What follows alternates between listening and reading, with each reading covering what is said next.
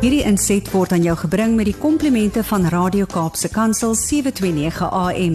Besoek ons gerus by www.cape pulpit.co.za.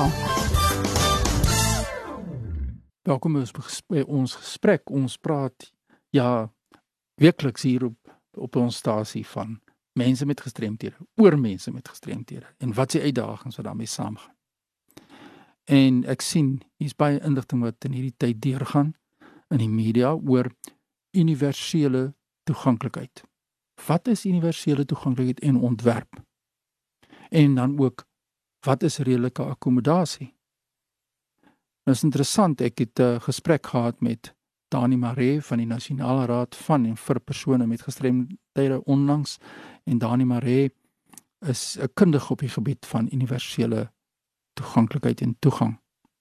Volgens hom is universele toeganklikheid die skep van 'n omgewing wat vir almal toeganklik is en nie net vir mense met gestremthede nie. So kom ons neem nou 'n voorbeeld. As ons 'n gebou ontwikkel of 'n gebou ontwerp, dan maak ons hom toeganklik sodat moeders wat babas het en wat in stootkarretjies moet beweeg ook op toegang kan hê tot daardie gebou. Dat ouer mense wat moeilik loop ook toegang kan hê tot daardie gebou. Nou hoe sou 'n ontwerp lyk wat toeganklik is, wat universeel toeganklik is? Ons sal maar sê byvoorbeeld iemand kom by 'n gebou en na die deur maak elektronies oop. Die elektronika help dat die deur van self oopmaak. So wat gebeur daar?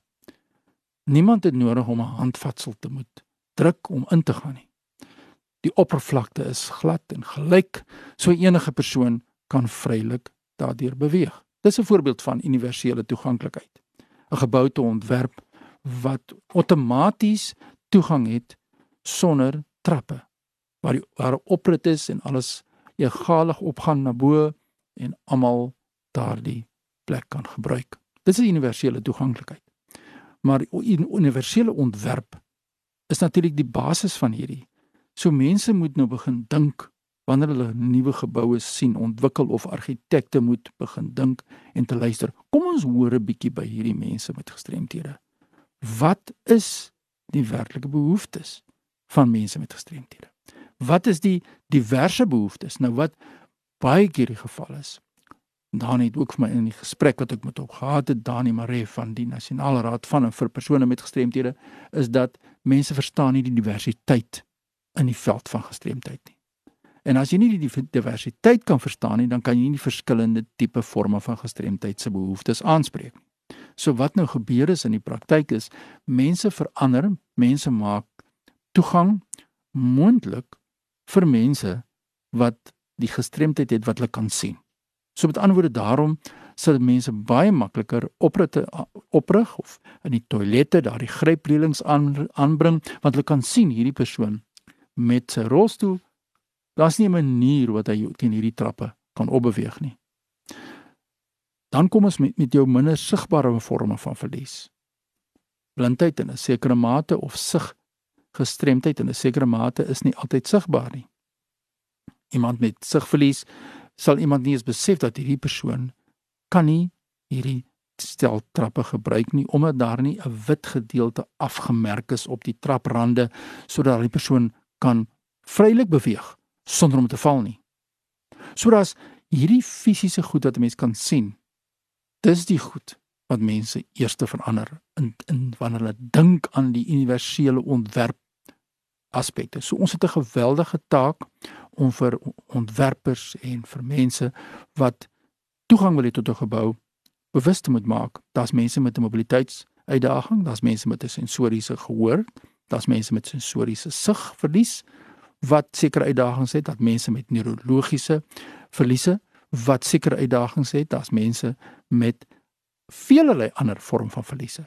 So as jy 'n kundige soek om met te gesels oor wat is die verskillende forme van diversiteit wat daar bestaan om jou toeganklik jou plek toeganklik te maak jou kerk toeganklik te maak?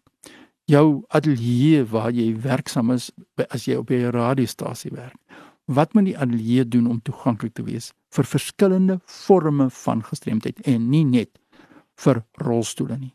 So daarom sal ons sien dat by hotelle byvoorbeeld in die gasvryheidsbedryf seker 90% of meer hotelle is absoluut toeganklik vir mense in rolstoele.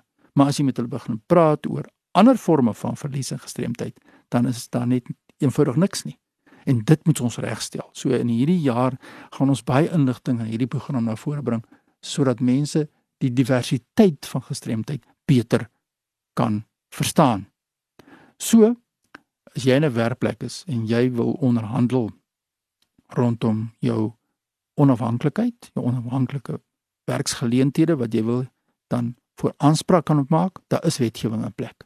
Daar is genoegsame wetgewing, daar is genoegsame prosesse in plek en in 'n volgende program gaan ek 'n bietjie gesels oor protokols wat in plek is om seker te maak dat jy 'n gelykmatige toegang kan kry as 'n persoon met 'n gestremdheid.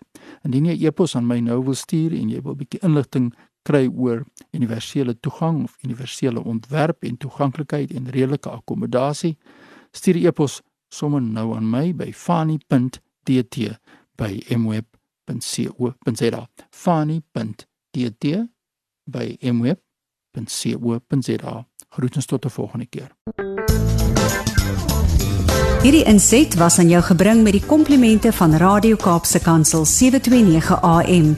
Besoek ons gerus by www.cape pulpit.co.za.